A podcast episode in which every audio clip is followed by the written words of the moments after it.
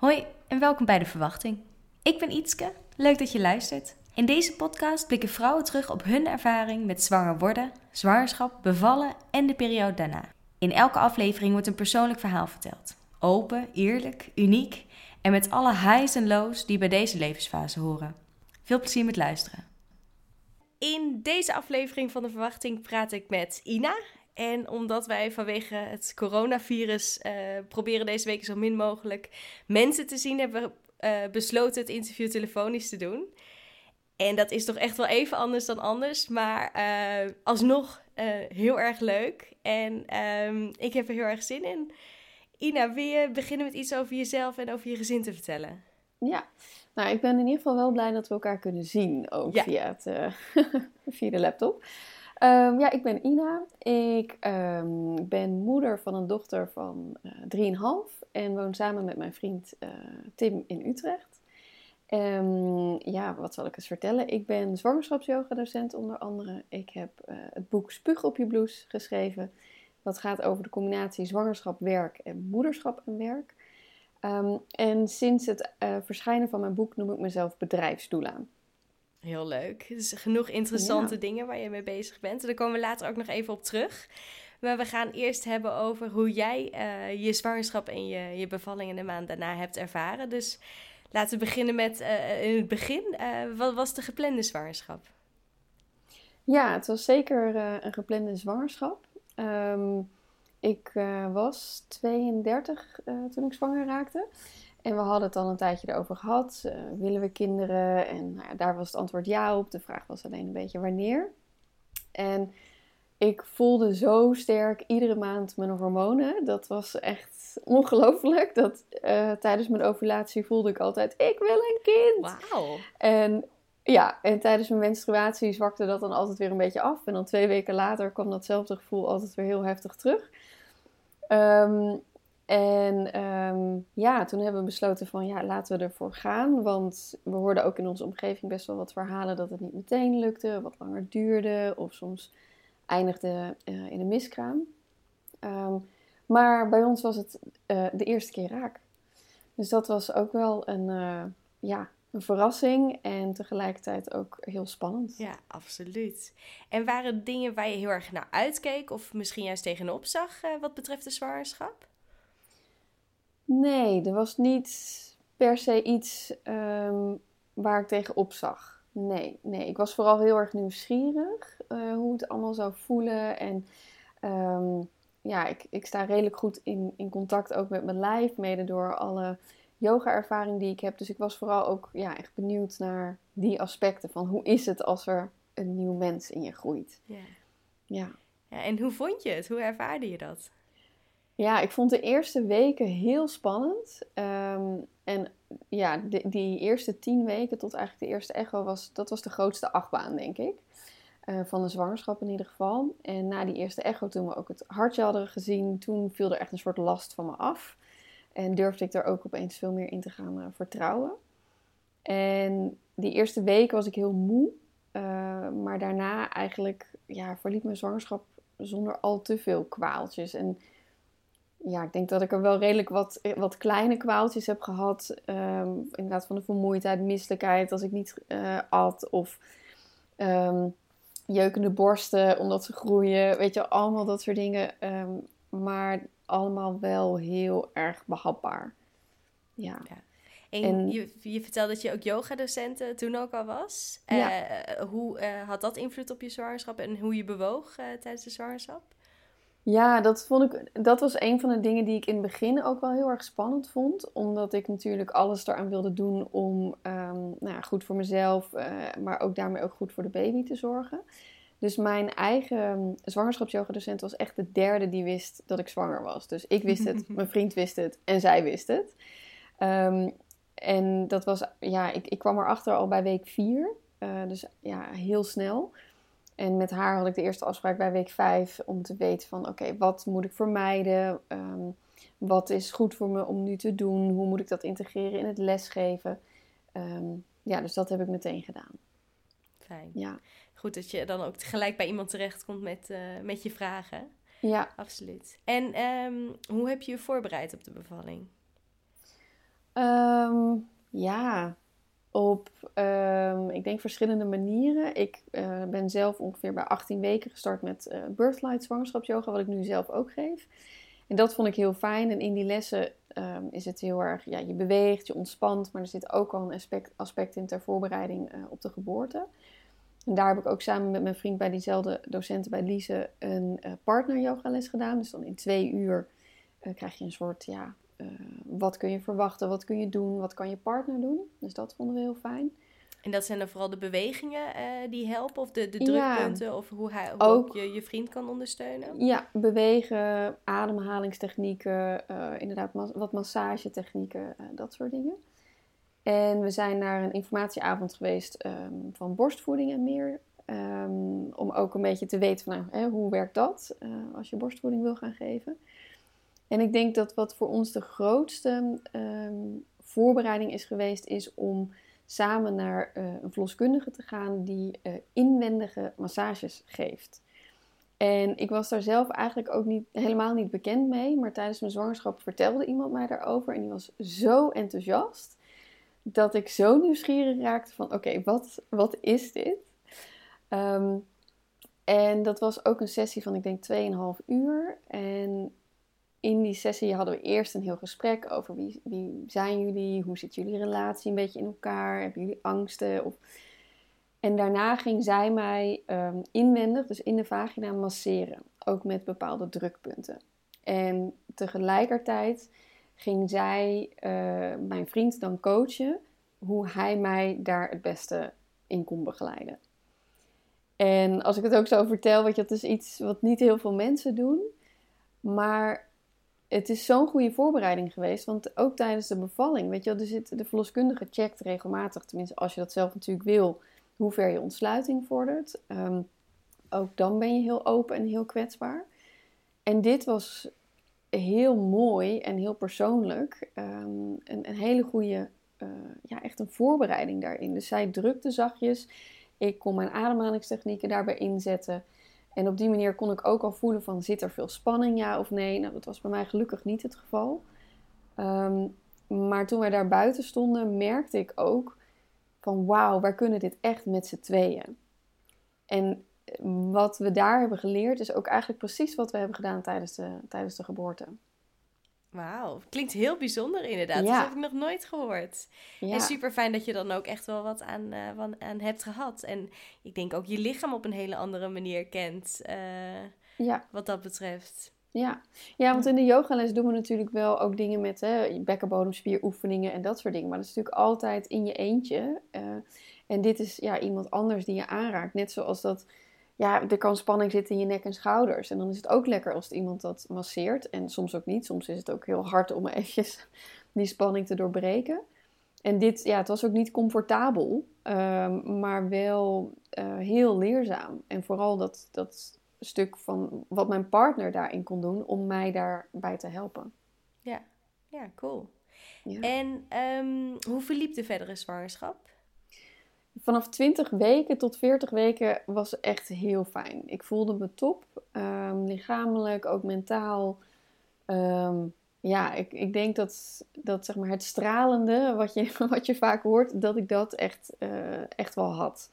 En ik zat net ook ter voorbereiding op ons gesprek even in mijn fotoalbums. Ik maak van ieder jaar een fotoalbum. Uh, door te kijken. En dan, ja, ik zie het ook gewoon op die foto's. Dus, uh, ja. Heerlijk. Ja. Heerlijk. En hoe zag je uh, de bevalling voor je? Wat, wat waren je wensen wat dat betreft? Um, in eerste instantie, toen, toen we erover na begonnen te denken, toen dacht ik van, we wonen toen echt om de hoek bij het geboortehuis. dacht ik van, nou, ik wil denk ik wel naar het geboortehuis. Toen waren we daar geweest voor een open dag. En toen dacht ik, hmm, ja, ik vind het toch iets minder knus dan wat de meeste mensen uh, vertellen. En toen hebben we het eigenlijk opengelaten. Dus, uh, dus we hebben gezegd van als het goed voelt, blijven we thuis. En als het niet goed voelt, dan pakken we de auto voor die paar honderd meter en gaan we alsnog naar het geboortehuis. Maar toen eenmaal de geboorte begon, heb ik er niet eens meer over nagedacht. En ben ik gewoon thuis gebleven. Lekker. En, en hoe kondigde de bevalling zich aan? Wat waren de, de eerste tekenen dat er uh, wat aan het drommelen was? Ik was um, ehm, 40 weken en drie dagen. En ik zat zelf eigenlijk al drie weken te wachten. Ik ben namelijk zelf uh, geboren met 37 weken. En ik ben ook de oudste uh, thuis. Dus, en ik dacht van, nou ja, goed, weet je, als ik te vroeg was, nou, dan zal mijn kind ook wel te vroeg komen. Nou, ja. niet dus. um, dus ik zat al wel een tijdje in de wachtmodus. Uh, maar wel prima. Omdat ik, het was midden in de zomer en ik kon er echt ook wel van genieten van die tijd. Uh, en ik wist ook van ja, het is echt een soort stilte van de storm, dus laat ik er ook nog maar van genieten. Um, en het begon midden in de nacht, rond een uurtje of vier, uh, met wat, ja, net wat meer dan menstruatiekrampen. Dat ik dacht van, hmm, zou het? En toen heb ik nog geprobeerd om te gaan slapen, maar dat lukte eigenlijk al niet, omdat er heel snel al een regelmaat uh, in zat. En ik denk dat ik rond een uur of vijf mijn vriend toen heb wakker gemaakt. Toen zijn we het gaan timen. En rond een uur of zes denk ik dat we de verloskundige hebben gebeld. En toen zat ik even op het toilet en mijn vriend was aan het bellen. En op dat moment braken ook mijn vliezen. Um, ja, en ik denk dat zij toen rond een uurtje of zeven of zo is geweest. Maar ik heb tijdens mijn hele bevalling, ik denk dat ik wel vier verschillende verloskundigen heb gezien. Terwijl in de praktijk waar ik bij zat, zaten er zes. Um, maar nu waren er zelfs ook vrouwen die ik helemaal niet kende. Omdat het op dat moment, het was midden in de zomervakantie. Het was heel druk. En um, ja, dus ik kende ook niet iedereen. Maar daar kon ik op dat moment redelijk, redelijk oké mee omgaan. Want ja, ze kwamen en tien minuten later, voor mijn gevoel, als ik terugkijk, stonden ze alweer buiten. Dat was gewoon even, oh ja, het ziet er goed uit. Je bent ontspannen, het ademen gaat goed. Nou, uh, we horen het wel. Um, en het begon, ja, ik heb, heb natuurlijk allerlei dingen ook meegenomen vanuit de yoga. Dus ik had zo'n grote uh, fitnessbal, daar heb ik op gezeten. Um, ik heb lekker gehangen op het bed. Ik heb mijn loopjes gedaan. Um, op een gegeven moment zei mijn vriend van, oh, vind je het niet lekker om even onder de douche te gaan? Nou, toen zat ik daaronder. Toen dacht ik, nee, ik wil eruit. Um, en hij was ondertussen ook nog even boodschappen gaan doen, s ochtends vroeg. En uh, was aan het koken beneden, zodat er na de geboorte uh, vers eten op tafel zou staan. En ik weet nog dat ik bij een centimeter of vijf, zes ontsluiting heel sterk voelde. En nu, nu mag je niet meer weg. Nu moet je echt bij me blijven. En ik weet nog dat ik boven was in de slaapkamer en hem een paar keer beneden riep en dat hij dat niet hoorde. En toen, toen hij eenmaal boven kwam, zat ik echt, echt te huilen. Dus nou, nu moet je hier blijven. Um, en dat heeft hij toen natuurlijk ook gedaan. En ik denk dat tot een centimeter of zeven ging het eigenlijk heel goed. Kon ik er heel goed mee omgaan en het wegademen. En ja, raakte ik steeds meer in mijn bubbel. En af en toe maakte mijn vriend dan ook een keer een foto. Want dat vond ik ook wel bijzonder. Terugkijkend zag ik dat ik allemaal dingen had gedaan die ik al helemaal niet meer wist. Maar dat je lijf op dat moment gewoon echt weet van, oh ja, handen en knieën, lekker. Ik ga nu even wat doen op handen en knieën. Um, en ik denk dat ook de verloskundige vanaf een centimeter of 7, 8 niet meer is weggegaan. Maar die zat op de trap. Um, met wel zicht op onze slaapkamer, maar ze, ze was er eigenlijk, ja, ze zat daar gewoon. En toen het wat intenser werd, wat we geleerd hadden tijdens die voorbereiding, was ook dat oogcontact heel erg kon helpen. Dus wat ik me nog herinner is dat als er dan een week kwam, dat ik ook echt zo Tim vastpakte bij zijn blouse en hem heel erg aankeek. En dat hij mij ook heel erg strak aankeek en tegen me aan het praten was. En dan als de wee weer vertrokken was, dat ik het dan ook echt helemaal kon loslaten. Um, ja, en zo hebben we denk ik die laatste centimeters tot 10 centimeter um, doorgebracht in verschillende houdingen. En ik herinner me ook nog dat ik op een gegeven moment zei: En nu, ik moet poepen. Dus nou ja, dan weet je ook van: Oké, nu gaan we richting uh, die persfase. En toen kwam de verloskundige ook uh, meer in actie. Dus die, uh, ik had in, ergens in de voorbereiding ook bedacht van: Ik denk dat ik de baarkruk fijn vind. Geen idee waar ik dat op had gebaseerd, maar ergens had ik dat gevoel. Dus toen op de baarkruk gaan zitten en ik, dat vond ik wel intens. Dat laatste stuk, die echte persfase, dat, of die uitdrijvingsfase, dat vond ik heftig.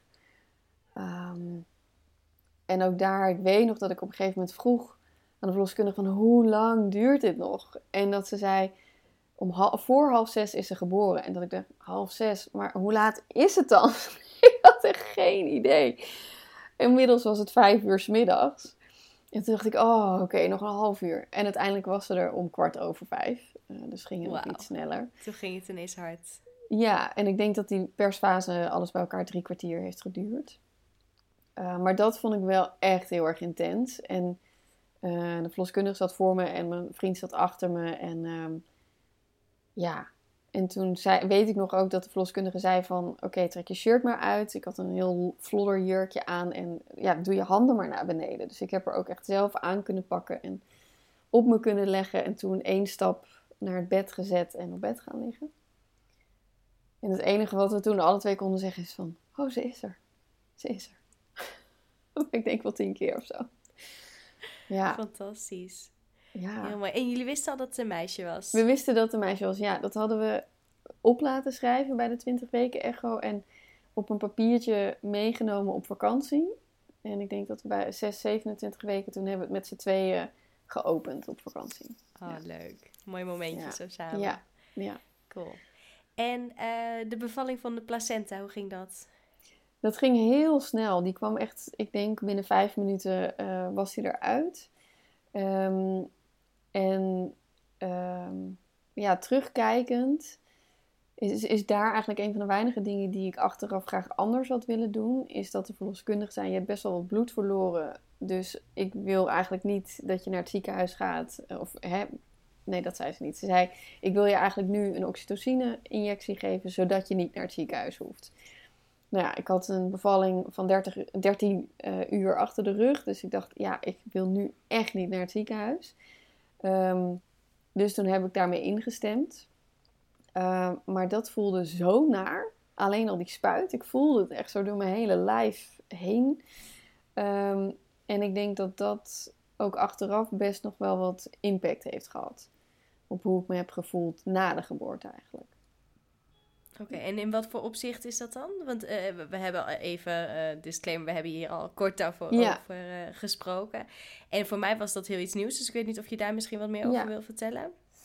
Nou, wat blijkt is uit onderzoek is dat vrouwen die tijdens of na de geboorte oxytocine krijgen toegediend. En dat kan dus inderdaad hè, de injectie zijn om de placenta eerder geboren te laten worden of een bloedverlies te stoppen, maar ook bij een inleiding. Um, is dat de kans op een postpartum depressie groter is. Dus het wil niet zeggen dat je het automatisch krijgt. Maar de kans dat je het krijgt, eh, wordt wel verhoogd door die externe oxytocine. Ja, ja. oké, thanks. En uh, wilde je graag borstvoeding geven? Want je had natuurlijk een, de voorbereiding uh, al wel gedaan. Hoe voelde dat op dat moment? Ja, ik, ik, uh, we hadden die voorbereiding gedaan en dat voelde voor mij wel echt iets heel erg natuurlijks. Om dat op zijn minst te proberen. Um, en uh, ook in mijn omgeving, de meeste vriendinnen die, ja, die deden dat. Um, dus ja, en mijn moeder heeft het ook gedaan bij mij en mijn broertjes. Dus dat voelde als iets heel natuurlijks. Ja.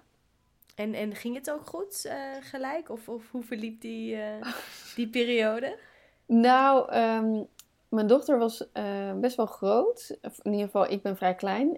Zij was 3640 gram bij de geboorte. En iedereen was helemaal verbaasd daarover. En ze hapte echt aan als een piranha die eerste paar dagen. Dus ik had echt binnen 24 uur bloedende tepels. Wat echt extreem pijnlijk ook was. En um, daardoor moest ik ook meteen met tepelhoedjes klooien. En ik had gelukkig wel een kraamverzorgende die daar wel het een en ander over wist. Maar ja, ik vond dat heel heftig. Gewoon iedere twee, drie uur en het deed, het gewoon pijn. En wat ik ook merkte is dat eigenlijk bij iedere keer die toeschietreflex, dat ik het gevoel had van, oh, dat ik moest huilen. En dat duurde dan misschien twee, drie seconden en dan was het weer verdwenen. En ik kwam daar pas maanden later achter dat ook dat een bijwerking kan zijn die niet zo vaak voorkomt, maar weer van die oxytocineprik. Um, dus dat was voor mij, toen ik dat ergens las in een, in een Facebookgroep, toen dacht ik, oh wauw, maar dat had ik dus. Iedere keer, bij iedere voeding. Ja.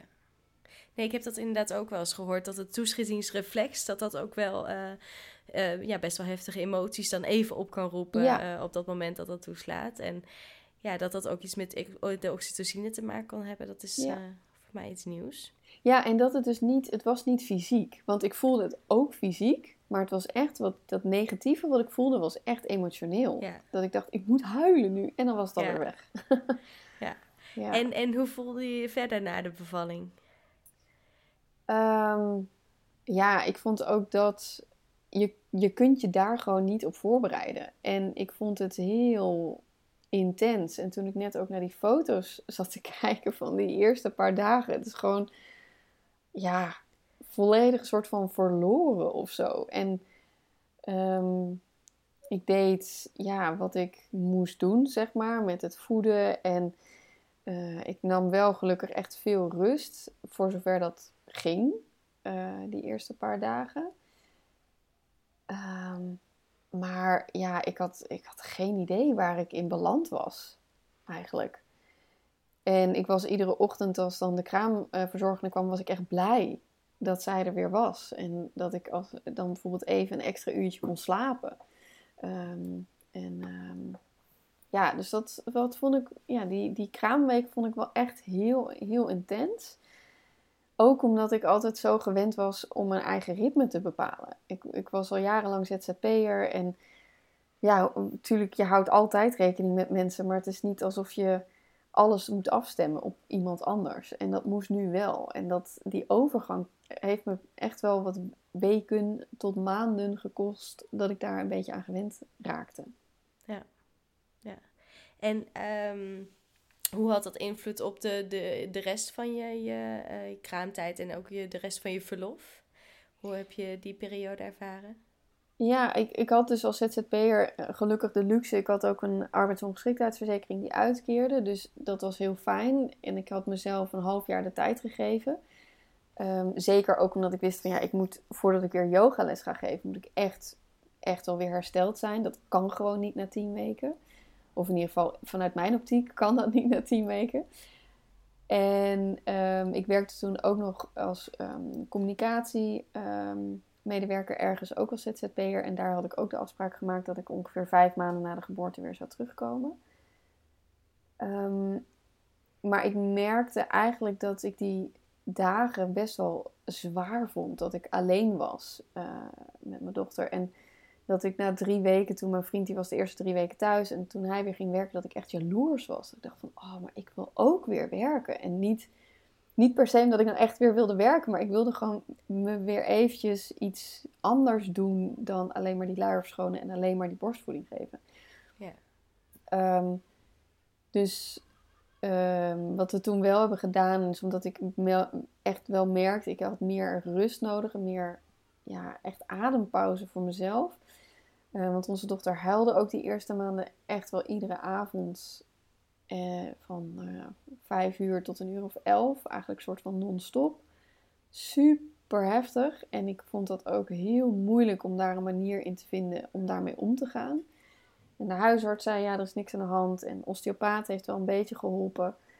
Um, maar het was toch vooral echt uitzitten. Ja, en dat is iets wat me van nature niet, niet zo goed afging. Ik wil dan altijd heel graag iets doen om het te fixen. En dat kon gewoon niet.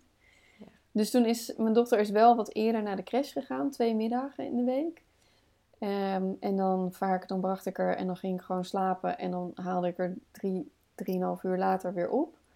Um, en dat was heel fijn dat dat kon. Dus dat ze iets eerder dan gepland terecht kon.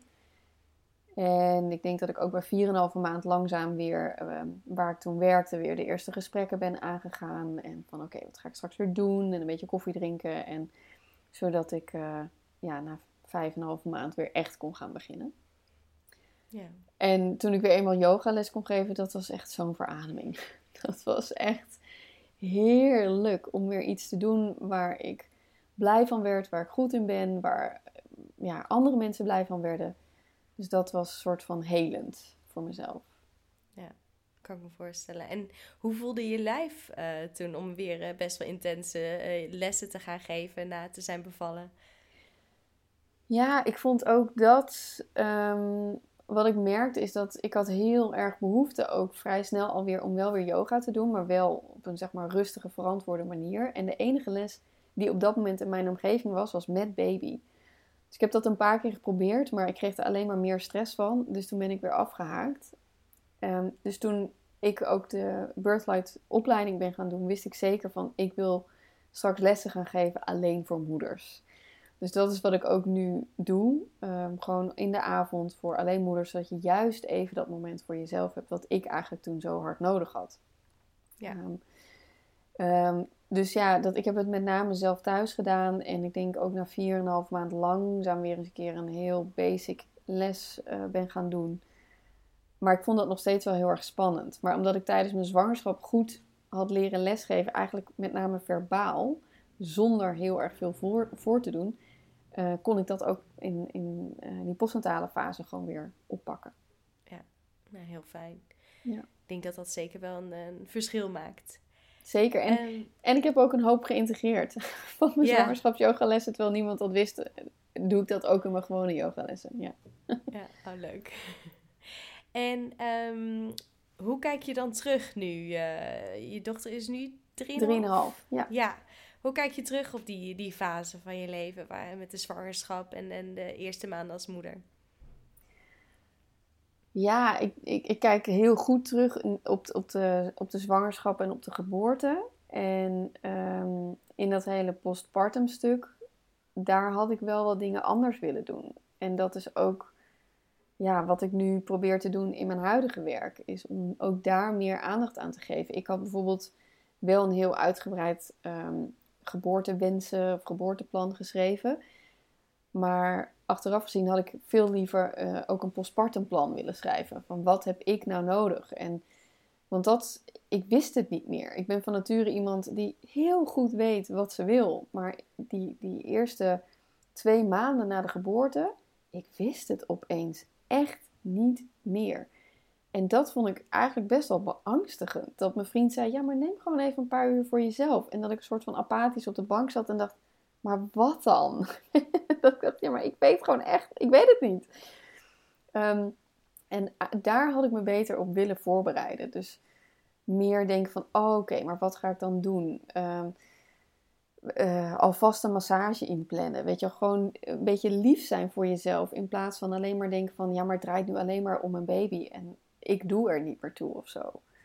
Um, dus dat is, ja, dat is ook wel het gevoel wat een beetje is blijven hangen. Van die, die postpartumperiode was intens. En, en daar had ik echt meer hulp kunnen vragen. Iets wat ik nu ook vrouwen heel erg op het hart druk van vraag hulp. Um, want dat is beter voor jezelf en daardoor ook weer beter voor je baby. Ja, absoluut. Zeker weten. En um, ik ben ook nog wel benieuwd naar verder wat, wat je allemaal doet. En, en over je boek en je, je werk als bedrijfsdoula. Zou je daar wat meer over willen vertellen? Ja, tuurlijk. Um, na dus de geboorte van mijn dochter en nadat ik zelf had gemerkt van hoe fijn die zwangerschapsyoga was geweest, um, heb ik eigenlijk meteen besloten om ook die opleiding dus te gaan volgen. En in die lessen die ik gaf, hoorde ik zoveel verhalen van vrouwen die worstelden met van alles. En het kon fysiek zijn, emotioneel, relationeel, noem het maar op. Maar zo vaak zat er ook die component in met werk. Dat uh, dingen gewoon op het werk niet lekker liepen en daardoor weer extra stress gaven of uh, klachten. En ik uh, gaf ook al bedrijfsyoga. Ik heb in het verleden um, een soort van organisatiewetenschappen gestudeerd. Dus ik zat al heel erg in dat welzijn op het werk. En door dat zwangerschapsyoga en um, postnatale yoga ging daar ook weer een hele wereld voor me open. En dacht ik, ja, maar eigenlijk is het hier nog veel harder nodig. En toen ben ik een beetje gaan zoeken in de biep en in de boekhandel. En eigenlijk het enige wat ik vond over die combinatie waren echt vuistdikke pillen over hoe, word je, hoe kun je een topcarrière als CEO eh, combineren met het moederschap. Toen dacht ik, ja, maar ik ben geen ik wil hem, heb helemaal niet de ambitie om CEO te worden. Ik ben gewoon, ik wil mijn werk doen naast het moederschap. En uh, toen dacht ik, ja, dat hebben natuurlijk heel veel vrouwen. Dus nadat mijn vriend op een gegeven moment honderdduizend keer al die verhalen aanhoorde, zei hij, ja, maar waarom schrijf jij er dan geen boek over? En dat bleef maar een beetje zo rondzingen. En uh, op een gegeven moment dacht ik, ja, oké, ik ga het gewoon doen. En um, nou ja, ruim anderhalf jaar verder uh, ligt Spuug op de blouse, Spuug op je blouse, is er. Uh, maar dat was ook een hele zwangerschap aan zich. Pittiger dan de zwangerschap van mijn dochter. Um, de geboorte en de kraamtijd waren daarentegen een stuk leuker. Um, en um, ja, en, en aan het einde van, van dat schrijfproces dacht ik, ja, wat ben ik nu eigenlijk? En toen ging ik daarover nadenken. Dacht ik, ja, wat ik doe in eigenlijk alles wat ik doe, zowel in mijn lessen, maar ook in de gesprekken die ik voer, help ik vrouwen met dat welzijn in die combinatie zwangerschap, werk, moederschap en werk. En dat is eigenlijk ook wat een doula doet tijdens de geboorte en tijdens dat hele proces daaromheen. Um, maar mijn expertise ligt inmiddels meer in dat, ook dat werkstuk. En zo kwam ik op de titel bedrijfsdoula. Ja, nou het klinkt heerlijk. Het klinkt heel erg uh, belangrijk ook, zeker, absoluut. Ik denk dat dat uh, iets is waar, uh, waar heel veel bedrijven en heel veel vrouwen ontzettend veel aan, aan zullen hebben. En, dat hoop ik, ehm, ja. Ja, nee, absoluut. Zijn er nog dingen waar jij over wil vertellen of wat je nog wil delen? Nou, wat misschien nog wel goed is om ook te delen, is dat een van de drijfveren voor mij om Spuug op je blouse te schrijven was. Ik heb me best wel alleen gevoeld in die um, postpartum periode. Terwijl ik heb een heel goed sociaal netwerk. Maar toch had ik het idee dat niemand echt begreep wat ik op dat moment doormaakte. En dat is ook wat ik keer op keer in die gesprekken met, met mijn, uh, de, vrouwen in mijn lessen hoorde. Dat eigenlijk al die vrouwen zich alleen voelen in datgene wat ze meemaken. En um, daarom bestaat mijn boek ook uit ervaringsverhalen van vrouwen die daarover vertellen. Zodat eigenlijk iedere zwangere vrouw of iedere moeder zal zich herkennen in één of meerdere verhalen.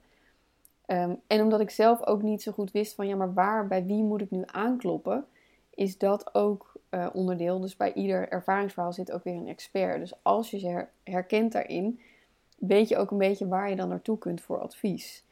Um, want zoveel vrouwen bijvoorbeeld met fysieke klachten denken van, oh ja, maar dit hoort erbij. Terwijl als ik ze dan vertel van, ja, maar dat hoeft niet. En als je dit en dit en dit doet, gaat het beter. En als dat niet helpt, dan ga alsjeblieft naar die en die. En dan komen vrouwen drie weken daarna, oh, het is echt zoveel beter. En dan denk ik, yes. um, dat is zo fijn om op die manier uh, te kunnen helpen, te kunnen ondersteunen. En ook te laten weten van, ja, maar er zijn dingen die normaal zijn. Maar heel veel dingen zijn we ook normaal gaan vinden. Um, ja. nee, dat is fantastisch. En ik denk ook dat, dat we het, het uh, vrouw het gevoel te laten hebben dat ze uh, niet alleen zijn en dat het heel normaal is wat ze voelen, dat dat een gedeelde missie is. Uh, ja. Dat is ook iets waar ik ook met de podcast heel erg de focus op heb. En ook zeker om, om ook het um, postpartum gedeelte te benadrukken. ja, je kan je soms zo blind staren op alleen de bevalling, uh, dat je even vergeet wat, wat er daarna nog allemaal op je afkomt. En dat je daar ook echt wel heel goed op kan voorbereiden. En um, ja, dat je daar ook niet alleen in bent.